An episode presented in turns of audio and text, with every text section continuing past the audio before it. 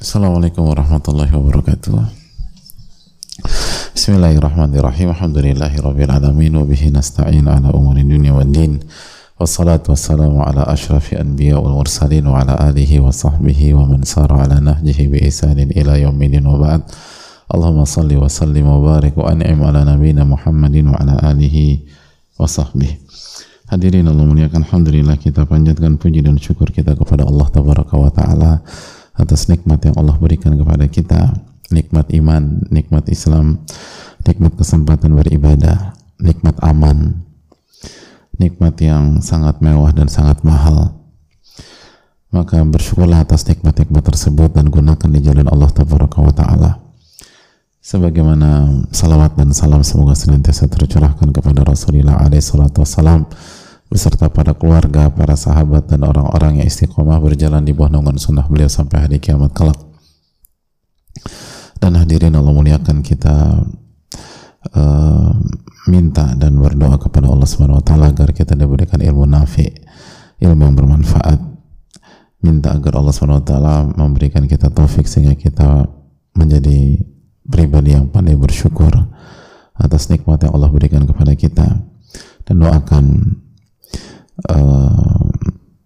diri kita, doakan keluarga kita, doakan guru-guru kita, ulama-ulama kita, doakan kaum muslimin di mana pun berada, khususnya saudara-saudara kita yang terzolimi, yang teraniaya di Palestina, di belahan dunia yang lain, doakan agar Allah Subhanahu Wa Taala menjaga mereka, uh, mengobati mereka yang terluka, Semoga Allah SWT menghilangkan rasa takut dari mereka. Semoga Allah SWT menerima amal ibadah mereka. Dan semoga Allah SWT menyayangi yang wafat di antara mereka. Dan semoga Allah SWT mengampuni segala kekurangan kita dan dan seluruh uh, umat di mana pun berada. Amin ya rabbal alamin. Dan perbanyaklah doa sebagaimana nasihat para ulama kita ibu-ibu dan jamaah sekalian Allah muliakan. Semoga Allah SWT mengampuni kita, mengampuni kekurangan kita, dan semoga Allah SWT menolong seluruh umat di mana pun berada, khususnya yang terzolimi di Palestina dan di mana pun uh, belahan dunianya. Amin ya alamin. Dan uh, hadirin Allah muliakan uh, kita akan uh, melanjutkan materi kita yaitu Wabilus Sayyib uh, buku yang mengajarkan kita untuk mengingat Allah Subhanahu wa taala dan kembali kepada Allah Tabaraka wa taala. Dan ini salah satu buku yang direkomendasikan oleh para ulama kita. Dan semoga kita bisa meneladani mereka. Hadirin Allah muliakan, uh, kita akan melanjutkan pembahasan ayat yang sedang kita uh, atau dalam konteks yang sedang kita bahas dari kemarin. Dan kita masuk ke surat Az-Zumar ayat 73 yang dibawakan oleh Al-Allama Ibnu Qayyim rahimahullahu taala. Al-Allama Ibnu Qayyim rahimahullah menyampaikan waqala ta'ala dan Allah Subhanahu wa taala berfirman di dalam surat Az-Zumar ayat 73 وسيق الذين اتقوا ربهم إلى الجنة زمرا حتى إذا جاءوها وفتحت أبوابها وقال لهم خزنتها سلام عليكم طبتم فدخلوها خالدين Allah Subhanahu wa taala berfirman yang artinya dan orang-orang yang bertakwa kepada Allah Subhanahu wa taala akan dibawa ke dalam surga orang-orang bertakwa akan dibawa ke dalam surga hadirin. Dan semoga Allah memudahkan kita menjadi orang yang bertakwa. Amin ya rabbal alamin. Mereka dibawa ke dalam surga secara berkelompok-kelompok atau berombongan-rombongan.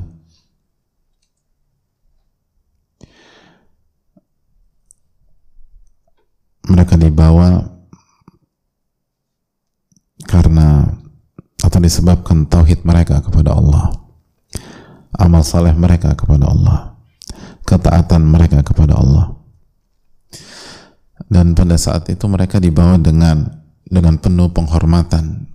Bukan diseret bukan didorong-dorong. Tapi ulama menjelaskan wasiqal ladina wasiqal ladina taqaw rabbahum ilal jannati zumara mereka di uh, dibawa ke dalam surga dengan penuh penghormatan dengan penuh pemuliaan. Mereka dihormati di di dimuliakan disikapi dengan sangat baik. Hatta idza ja'uha sampai ketika mereka sampai apabila mereka atau sampai mereka datang ke surga itu wa futihat abwabuha dan pintu-pintu surga telah dibuka. Wa qala lahum khazanatuha dan penjaga-penjaga surga itu berkata kepada mereka Salamun alaikum. Salamun jadi mereka sampai ke dalam surga. Lalu pintu surga dibuka. Dalam rangka menghormati hamba-hamba Allah yang masuk ke dalam surga. Lalu penjaga surga menyampaikan tahni'ah lahum wa tarhiba. Menyampaikan kalimat penyambutan kepada mereka. Kalimat yang indah mereka katakan salamun alaikum keselamatan atas kalian semua salamun alaikum keselamatan bagi kalian semua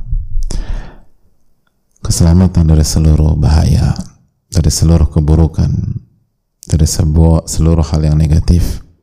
Salamun alaikum. Salamun min kulli afatin wa syarri hal.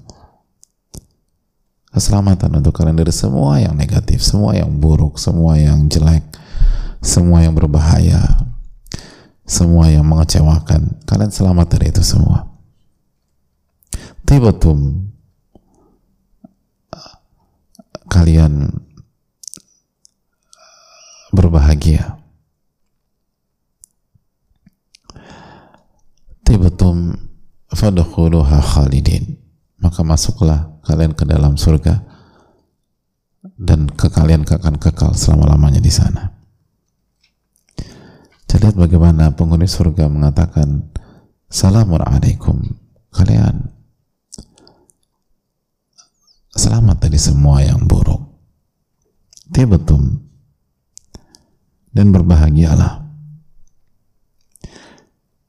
sebagaimana kalian berbahagia di dunia. Maka berbahagialah pada saat ini. Sebagaimana kalian berbahagia di dunia, maka kalian akan berbahagia di akhirat.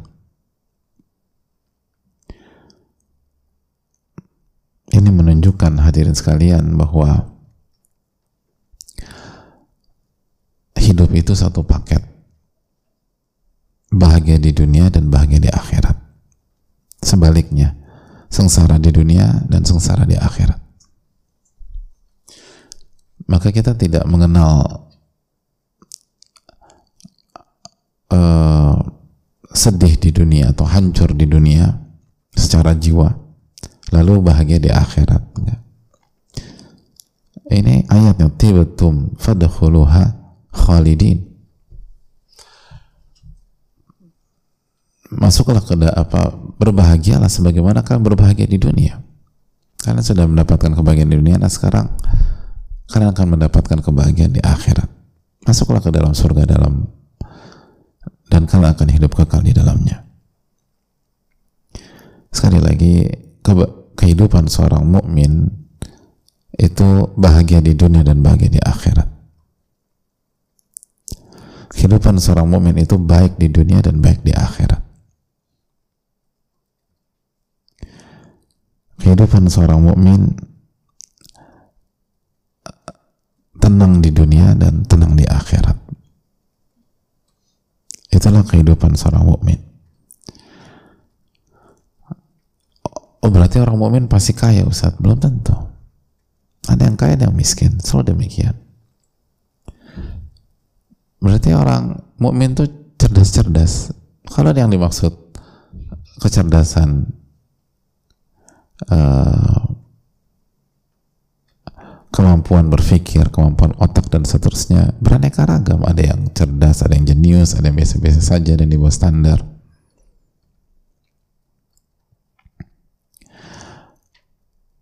Berarti bisnisnya sukses semua? Belum tentu. Ada yang bisnisnya berhasil dan tidak berhasil. Tapi yang pastinya mereka bahagia. Kenapa demikian? Karena yang buat mereka bahagia bukan harta. Yang buat mereka bahagia bukan uh, popularitas. Yang buat mereka bahagia bukan fasilitas dunia. Bahkan yang buat mereka bahagia bukan bukan anak.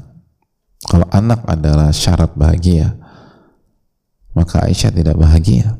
Karena Aisyah nggak punya anak radhiyallahu taala anha.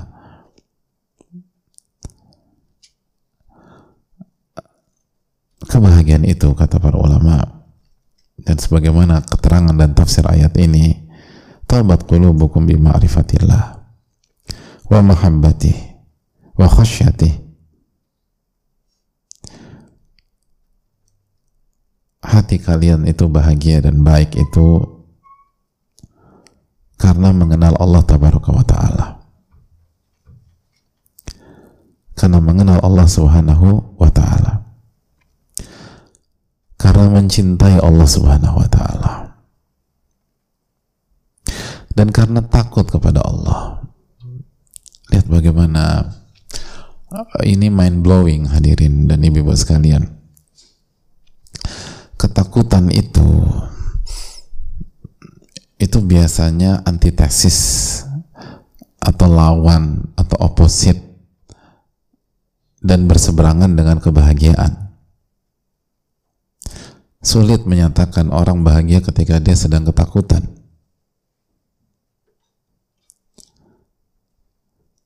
Tapi itu tidak berlaku jika kita takut kepada Allah. Kalau kita takut kepada Allah, maka yang yang lahir adalah kebahagiaan.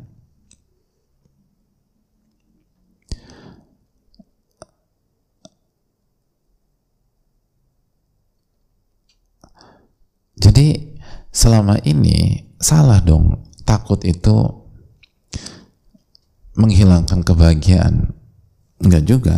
Karena yang dimaksud takut yang merupakan antitesis dari kebahagiaan adalah takut kepada makhluk.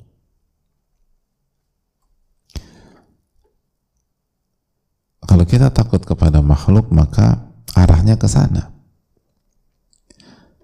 kita akan uh, paranoid, kita akan gelisah, kita akan stres, kita akan nervous. Kalau nervous banget sih, takut salah nih.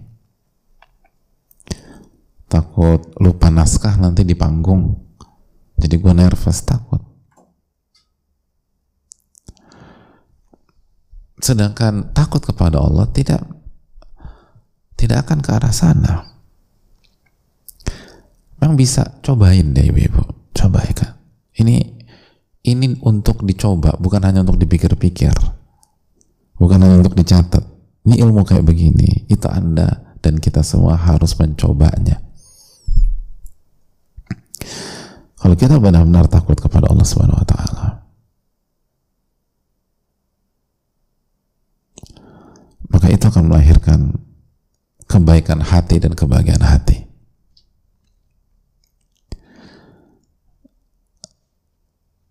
Dan itu salah satu makna dari ucapan malaikat penjaga pintu surga. Tibetum, kalian sebagaimana kalian bahagia di dunia, kalian telah mencapai kebahagiaan dunia, maka masuklah dan kalian akan bahagia di akhirat. Dan bahagia di dunia itu dengan mengenal Allah Subhanahu wa taala mencintai Allah Subhanahu wa taala dan takut kepada Allah Subhanahu wa taala. sebagaimana sempat kita bahas di beberapa pertemuan yang lalu udah cukup lama bahwa untuk menghilangkan rasa takut di akhirat obatnya adalah rasa takut di dunia gitu. Jadi obat rasa takut itu rasa takut hadirin lihat bagaimana konsep yang yang sangat unik dan tapi benar dan di sini pentingnya kita belajar karena tanpa belajar susah kita memahami hal seperti ini dan mungkin nggak akan bisa memahami hal demikian. Bagaimana obat rasa takut adalah rasa takut. Di saat mayoritas orang berpikir menghilangkan rasa takut dengan cara apa? Dijagain, dilindungin, pindah dari tempat atau lingkungan atau kota yang terancam yang bahaya ke pindah ke tempat yang aman maka anda akan selamat dari rasa takut ya itu cara berpikir secara umum tapi ini beda. Obat menghilangkan rasa takut adalah rasa takut. Dan apa yang dimaksud rasa takut di sini? Rasa takut kepada Allah tabaraka wa taala. Begitu seseorang hamba punya rasa takut kepada Allah maka itu akan menghilangkan rasa takut di akhirat.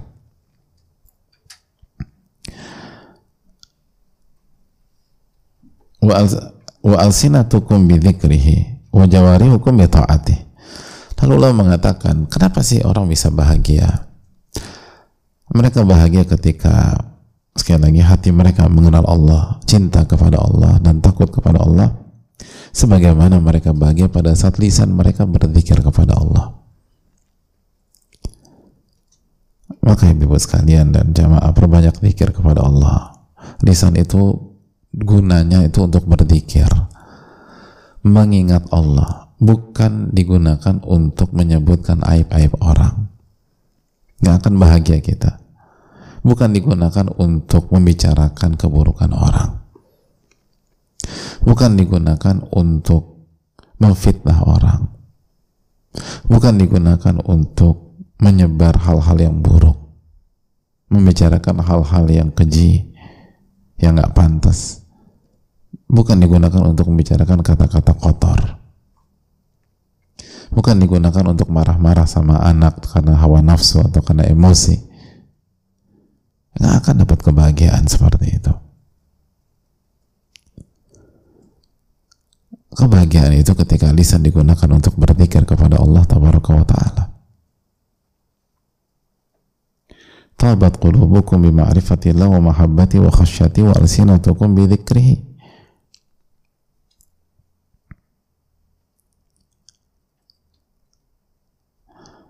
Sekali lagi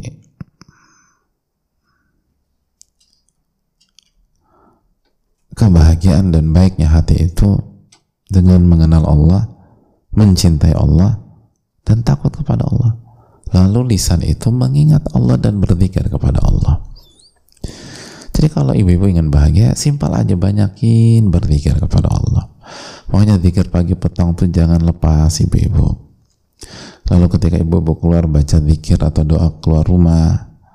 Lalu ketika ibu-ibu naik mobil baca zikir atau baca doa naik kendaraan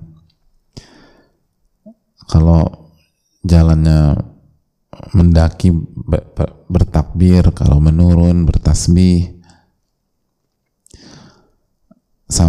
kalau sampai rumah ucapkan salam lalu berzikir kepada Allah terus demikian itu yang akan membuat kehidupan kita membaik dan menjadi baik sebelum kita mendapatkan kebahagiaan di di akhirat Jadi hadirin Allah muliakan.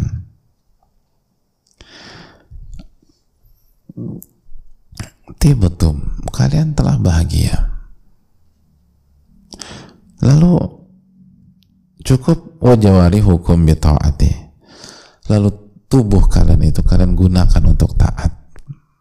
tubuh kita ini kita gunakan untuk beribadah dan melakukan ketaatan dan tubuh kita itu digunakan untuk hal-hal yang gak jelas dirusak diubah jangan tubuh kita itu digunakan untuk bermaksiat atau dipertontonkan. Padahal itu tidak boleh diperlihatkan karena itu aurat.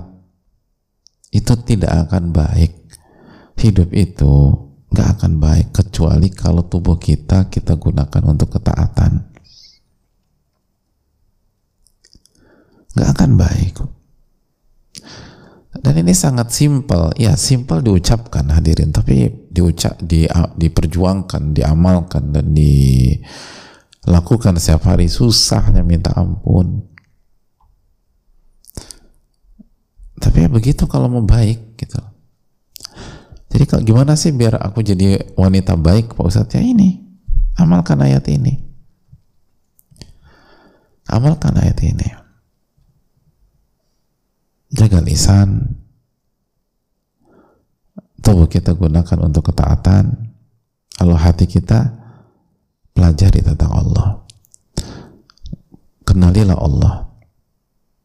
Dan begitu anda mengenal Allah anda akan jatuh cinta kepada Allah. Dan akan takut kepada Allah subhanahu wa ta'ala. Dan itulah syarat bahagia di dunia dan di akhirat. Itulah orang-orang yang malaikat itu memerintahkan masuk ke dalam surga udkhuluha khalidin. Masuklah ke dalam surga dan kekalah hidup di sana. Fadakhuluha khalidin. Fadakhuluha khalidin. Maka masuklah dalam kondisi kekal atau sedangkan kamu kekal di dalamnya. Itu poin.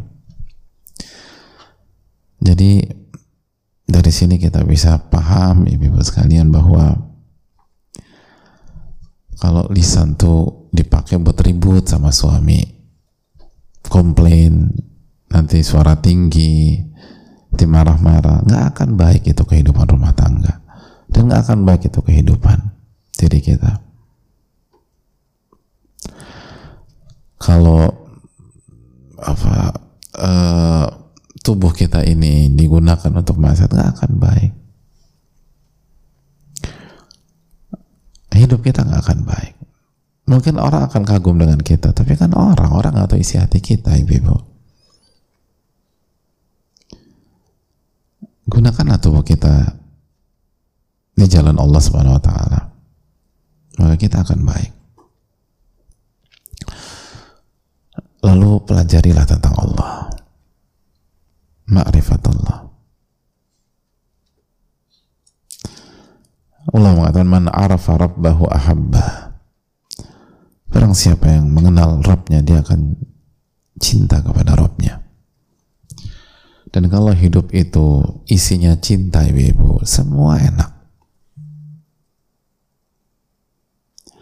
Semua masalah jadi jauh lebih ringan tapi kalau hidup itu dengan kekecewaan, hidup itu di atau hari-hari itu diisi dengan dendam, dengan amarah, apa enaknya hidup kayak begitu? Maka sekali lagi Ibu yang Allah muliakan marilah kita mengamalkan ayat ini susah memang tapi ingat kalau kita berhasil kita akan dipandu dengan terhormat untuk masuk ke dalam surga. Ya, dibawa, dipandu dengan penuh penghormatan, dengan penuh pemuliaan, dengan penuh uh, ta'zim dan ta'ziz. Penghormatan. Lalu begitu sampai ke pintu surga, diajak, disuruh, dipersilakan masuk sama penjaga surga. Salamun alaikum. Tibatum. Keselamatan bagi kalian. Gak ada kesulitan lagi, gak ada kesengsaraan, gak ada kesakitan, gak ada hal yang buruk, gak ada hal yang negatif. Salamun alaikum. Tibetum. Sebagaimana kalian dulu hidup bahagia, sekarang kalian akan hidup bahagia. Dan masuklah dalam kondisi kalian akan kekal di dalamnya. Itu yang bisa disampaikan. Kita buka sesi tanya jawab. Wassalamualaikum warahmatullahi wabarakatuh.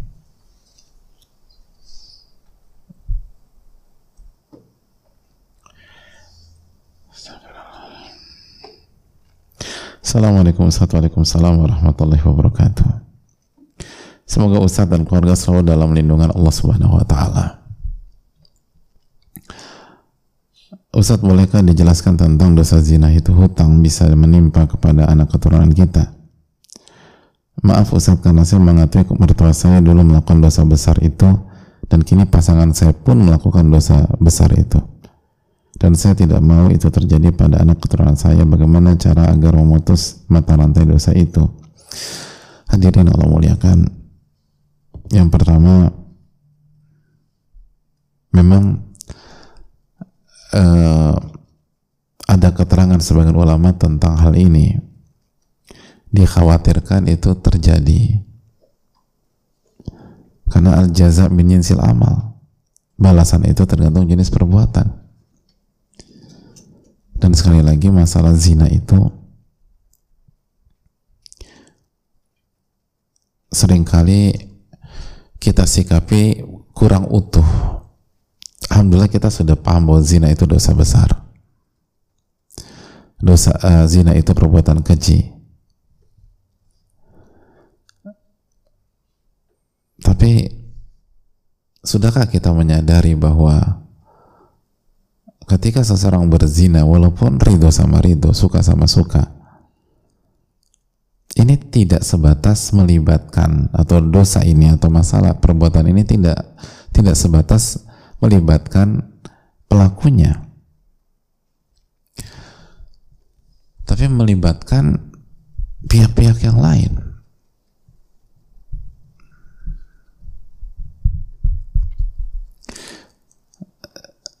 Simpel saja lah hadirin. Apabila seseorang wanita berzina misalnya dan karena suka sama suka. Pertanyaan bukankah wanita ini anak perempuan dari seorang ayah? Jawabannya ya. Coba tanya ayahnya. Ridhokah ayahnya ketika ia tahu anaknya berzina dan ditiduri oleh laki-laki?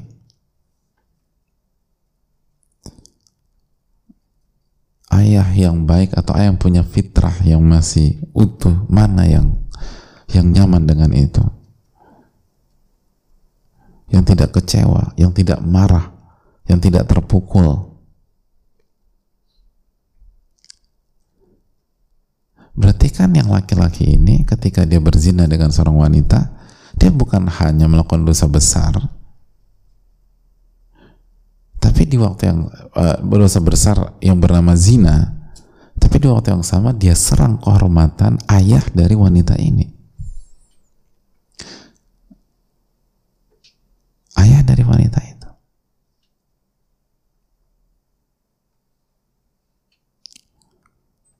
Karena wanita adalah kehormatan. Itu baru ayah, belum kakak laki-laki, belum adik laki-laki. Belum kalau wanita ini punya anak, anak anaknya terima ibunya di mohon maaf ditiduri oleh laki-laki lain. Tanya sama pelaku zina, Anda punya ibu, Anda ada nyaman ibu Anda ditidur laki-laki lain? Na'udzubillah, na'udzubillah. Nggak ada perasaan apa pun. Nggak marah. Nggak kecewa nggak merasa terpukul. Makanya itu kan yang Nabi SAW sampaikan. Sisi ini kan yang diangkat oleh Nabi kita alaihi salatu wassalam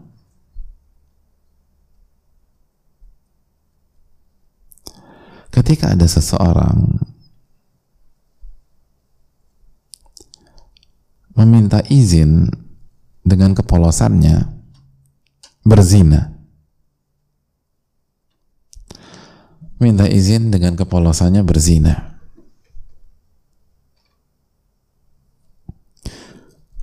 Sebagaimana dalam hadis Abu Umam al-Bahili. Orang ini bilang, "Ya Nabi Allah, ata'adhanu li fi zina? Wahai Nabi Allah apakah engkau izinkan aku berzina? Fasahan nasul bim maka manusia terkejut pada saat itu. Ini pertanyaan apaan kayak begini? Minta zina pertanyaan seperti apa? Ini Lalu dilihat Nabi SAW dengan sikap bijaknya kata Nabi SAW, "Qaribu." Coba dekati orang itu, biarkan dia mendekat. Udunu fadana. Eh, tolong mendekat wahai anak muda. Maka anak muda ini mendekat atau sampai duduk di hadapan Rasulullah sallallahu alaihi wasallam. Jala sabaina yadai, anak muda ini duduk di hadapan Rasulullah SAW. Lalu Nabi SAW bertanya, bukan digebukin tuh anak muda, bukan digampar anak muda, ditanya sama Nabi SAW, Nabi kita Nabi Rahman, Nabi yang begitu penyayang. Apa pertanyaan Nabi SAW? Atau hibbuhu li ummik. Ah, itu pertanyaan seperti petir di siang bolong. Dengan kesantunan beliau Sallallahu Alaihi Wasallam. Apakah engkau ridho ibumu ditiduri oleh laki-laki. Wih, siapa anak laki-laki yang yang ridho dengan seperti itu?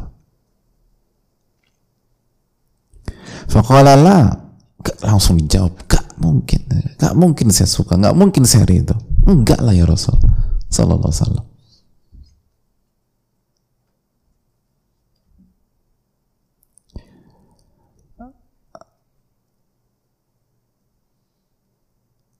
Lalu apa kata? Kadzalika nasu la yuhibbunahu li ummahatihim. Begitu juga dengan orang lain, nggak suka kalau ibunya ditiduri oleh laki-laki. Lalu ditanya atuhibbuhu li banatik? Oke, kalau kamu punya anak perempuan, kamu suka anak perempuan kamu ditiduri oleh laki-laki? Langsung dijawab dengan spontan, lah enggak, enggak rindu saya. Lalu Nabi SAW mengatakan, "Kadzalika nas la yuhibbunahu li banatihim." Begitu juga dengan manusia yang lain, orang lain nggak ridho kalau anak perempuannya ditidur oleh laki-laki lain. Nggak. Lalu ditanya lagi sama Nabi SAW, "Atuhibbuhu li ukhtik?" Apakah kamu nyaman kalau kakak atau adik perempuanmu ditiduri oleh laki-laki lain?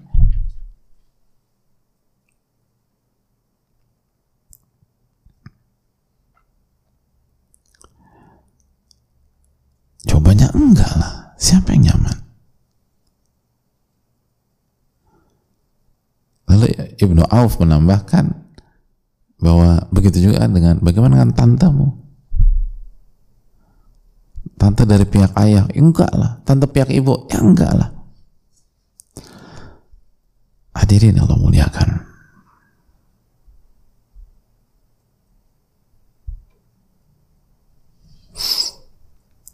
Kan ditanya itu.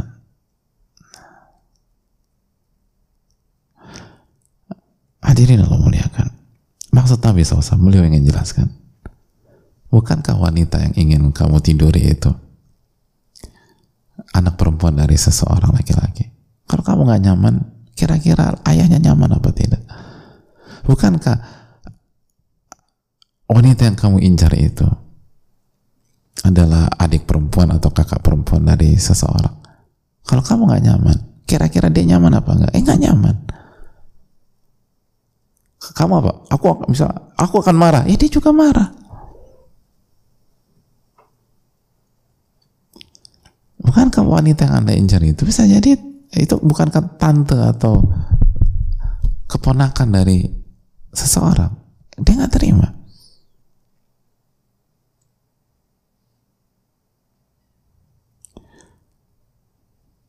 Hadirin Allah muliakan. Lihat bagaimana Nabi SAW menyentuh sisi ini. Menyentuh sisi ini.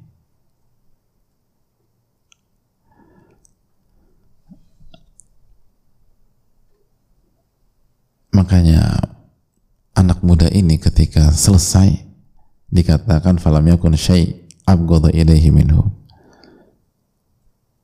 ketika selesai pembicaraan itu lalu didoakan karena sama Nabi SAW tidak ada yang paling dia benci kecuali zina. Gitu. benci saja. Artinya zina adalah hal yang salah satu hal yang paling dia benci. Padahal datang ke majlis Nabi SAW dalam kondisi zina salah satu hal yang paling dia inginkan. Keluar dari majelis Nabi SAW zina adalah salah satu hal yang paling dia benci itu poin lalu pertanyaan berikutnya gimana kalau kan kata Nabi SAW kan ini ber, ini ini hanya sebatas laki-laki perempuan berzina atau ini merembet ke yang lain? Hah? Berarti zina itu hanya sebatas laki-laki perempuan atau pelaku atau ini melibatkan keluarga besar yang lain? Keluarga besar. Kira-kira kalau keluarga besarnya itu merasa terzolimi dan melakukan sumpah serapah, kira-kira dijabah nggak sama Allah? Kata Nabi SAW, ittaqi da'watal madlum fa innahu laysa bainahu bainahu hijab fa innahu laysa bainahu bainallah hijab hati-hati doa orang yang terzolimi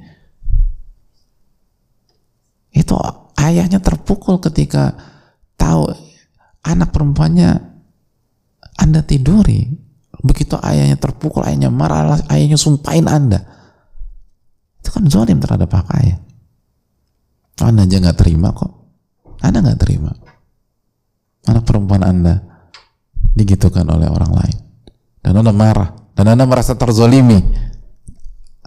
Ayah perempuan itu juga sama.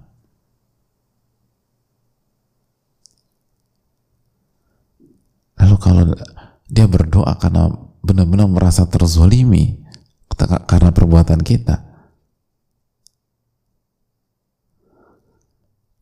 lalu bagaimana nanti? dan dan dari satu sisi itu juga. Anda anda al jaza menyizil amal balasan tergantung jenis perbuatan itu kata para ulama anda berzina berarti anda tiduri anak orang maka dikhawatirkan balasan sesuai dengan jenis perbuatan anak perempuan anda bisa jadi ditidur orang nanti na'udzubillah atau na'udzubillah Maka ini yang perlu diingatkan. Ingat Anda punya anak kecil atau Anda punya anak.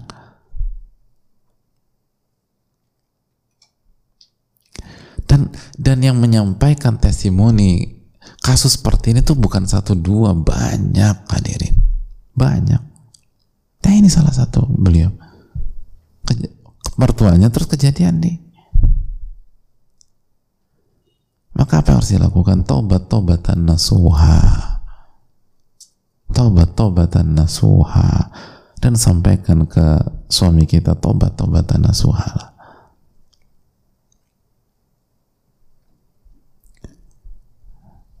jangan sampai nyesal dan benar-benar tobat-tobatan nasuha. Dan amalkan surat Al-Furqan ayat 70 illa man taba wa amana wa amila amalan saliha faulaika yubaddilullahu sayyiatihim hasanat. Kecuali orang yang taubat lalu beriman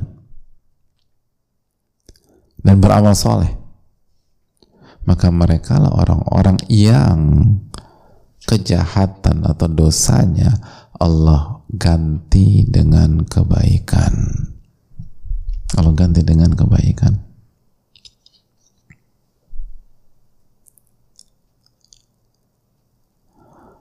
Allah ganti dengan kebaikan.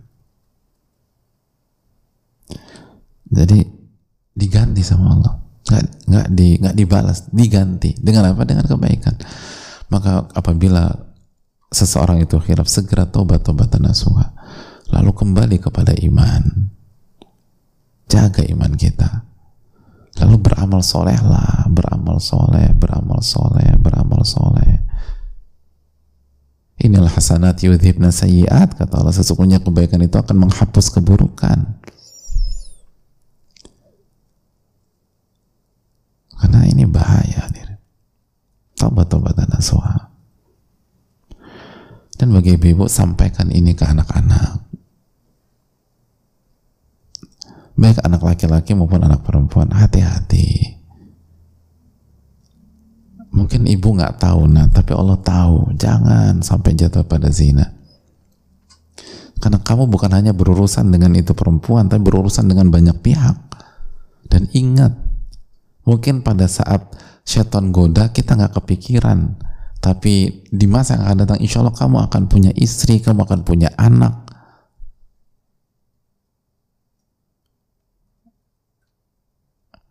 Dan anak kamu itu penyejuk matamu. Gimana perasaannya kalau anakmu itu digitukan orang? Hidup itu secara umum bukan bukan bukan berpikir hanya sebatas sekarang, nah. Kamu harus berpikir ke depan terlepas apa yang Allah takdirkan kepada kita itu perlu disampaikan. Karena kan banyak mayoritas orang yang berzina nggak mikir ke sana. Makanya penyesalan nanti. Dan ada banyak kasus demikian. Begitu dengar anak perempuannya ditiduri atau apalagi hamil di luar nikah itu bapaknya berantakan jiwanya ada yang benar-benar memperlihatkan, ada yang cari pelarian. Oh itu benar-benar terpukul. Kenapa? Karena ternyata dia ingat masa lalunya, dibalas sama Allah. Dan dalam dari sisi ini, Allah balas bukan satu pekan kemudian dari zinanya, bukan satu bulan kemudian dari zinanya, bukan satu tahun kemudian dari zinanya.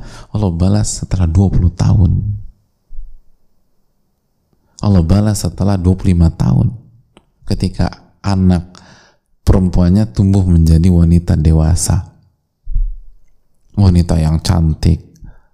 Yang dikagumi eh dimainin sama sebagian pihak. Sebagaimana 20 tahun lalu dia main perempuan. Ini harus kita al jaza min jinsil amal. Balasan itu tergantung jenis perbuatan.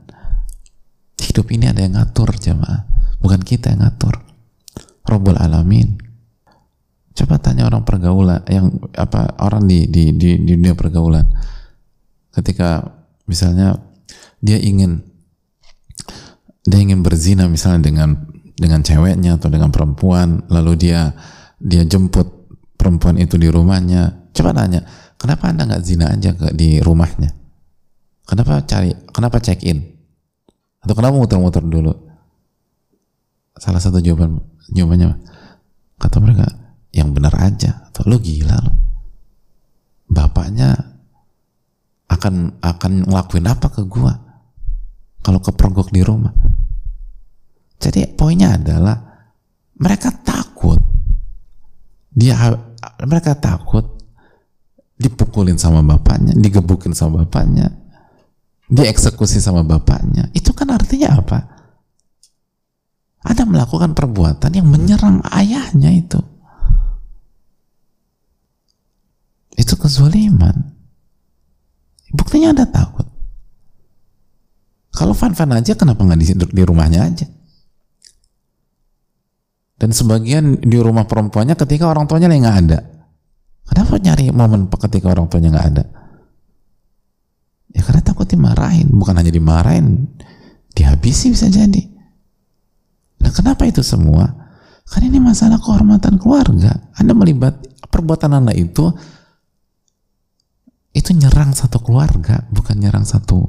Walaupun yang melakukannya itu suka sama suka. Itu satu keluarga yang diserang.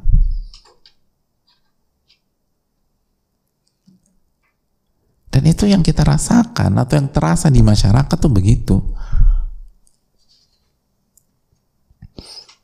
Begitu hamil di luar nikah, saya ingin tanya, yang malu siapa? Hah? Siapa? Yang malu siapa? Hanya hanya hanya perempuan yang malu. Orang tua, ayah malu nggak? Oh hancur muka ayah. Ibu, oke, okay. tante, om malu apa enggak? kakek malu apa enggak nenek nah itu ya kira-kira itu kira-kira lah. Gak gampang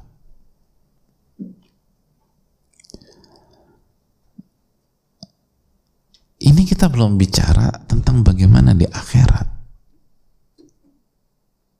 Dan bagaimana azab Allah yang sangat pedih. Jadi marilah kita berpikir dan bertobat-tobat dan dan ajak bicara dari hati ke hati.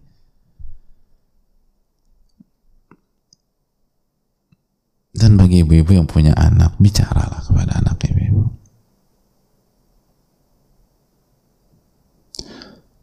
Dan bicara juga bukan hanya ke anak laki, bicara ke anak perempuan. Bahwa kalau kamu melakukan itu, nah, yang kamu sakiti itu satu keluarga besar walaupun itu tubuh kamu dan kamu suka sama dia itu menzolimi satu keluarga besar menyakiti perasaan orang-orang yang sayang sama kamu. Dan panjang urusannya. Jadi banyak-banyaklah bertobat kepada Allah Subhanahu wa taala. Jika sudah terjadi dan minta pertolongan kepada Allah Subhanahu wa taala agar Allah menjaga kita, pasangan kita dan anak-anak kita. Dan semoga itu tidak terjadi dalam keluarga kita. Amin ya rabbal alamin Assalamualaikum warahmatullahi wabarakatuh. Waalaikumsalam warahmatullahi wabarakatuh. Uh, Semoga Allah merahmati Ibnu Qayyim, Ustadz, keluarga, tim dan seluruh umat muslim terutama di Palestina dan tempat lain yang sedang terjadi konflik. Amin ya alamin. Semoga Allah merahmati kita semua dan semoga Allah menolong saudara-saudara kita khususnya di Palestina dan di mana pun berada. Izin bertanya Ustaz, bagaimana cara mengatasi rasa insecure pada diri ini yang mana selalu merasa nggak punya value, nggak punya value, nggak punya skill apa-apa yang bisa bermanfaat untuk banyak untuk orang banyak. Apalagi saat ini banyak melihat woman trainer yang mana mereka masya Allah dalam ilmu agama tapi juga bisa maksimal dalam mencari penghasilan. Sehingga hal tersebut terkadang membuat maju mundur ketika punya keinginan untuk menjadi full time mom. Jazakallah khairan barakallahu fikum barakallah hadirin Allah muliakan Allah berfirman dalam surat Al-Isra ayat 84 Qul kullun ya'malu ala syakilatih setiap orang hendaknya beramal sesuai dengan kondisinya masing-masing setiap orang uh, hendaknya beramal sesuai dengan kondisinya masing-masing. Itu yang harus uh, kita uh, camkan bersama-sama.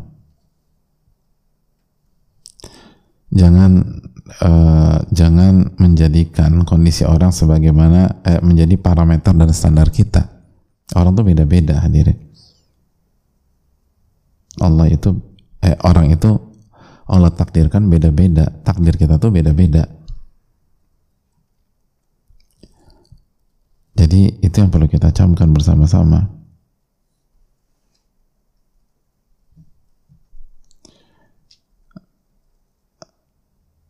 jadi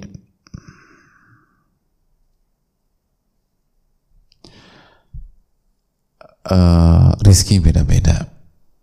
Ada ada wanita yang uh, punya kemampuan seperti itu. Emang Allah kasih bakatnya. Ya. ada perempuan Allah kasih bakat tinggi tapi Allah gak kasih kesempatan. Jadi nggak semaksimal yang pertama. Ada wanita yang Allah nggak kasih bakat tapi Allah akan bukakan pintu kemudahan dari dari sisi lain. Orang tuh berbeda. Maka syukurilah apa yang Allah takdirkan kepada kita. Al khairu khiratullah. Yang terbaik adalah yang Allah pilihkan untuk kita. Lalu maksimalkan. Jadi uh, qanaah itu bukan berarti pasrah gitu aja dan nggak ngapa-ngapain. Coba lihat apa yang Allah kasih ke kita lalu maksimalkan dan lihat nanti Allah akan kasih keberkahan hadirin mungkin kita nggak mungkin nggak kita nggak punya skill A skill B skill C tapi kita bisa menjadi ibu yang baik buat anak kita Bayangin gak sih pahalanya ibunya Imam Syafi'i itu seperti apa? Hah? Jadi nggak punya apa-apa kecuali punya satu anak namanya Muhammad bin Idris Asyafi rahimahullah ta'ala misalnya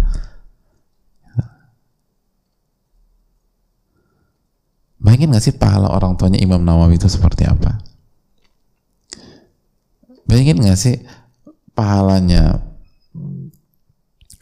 uh, orang tuanya Imam Ahmad itu seperti apa? Pahalanya Imam dan seterusnya.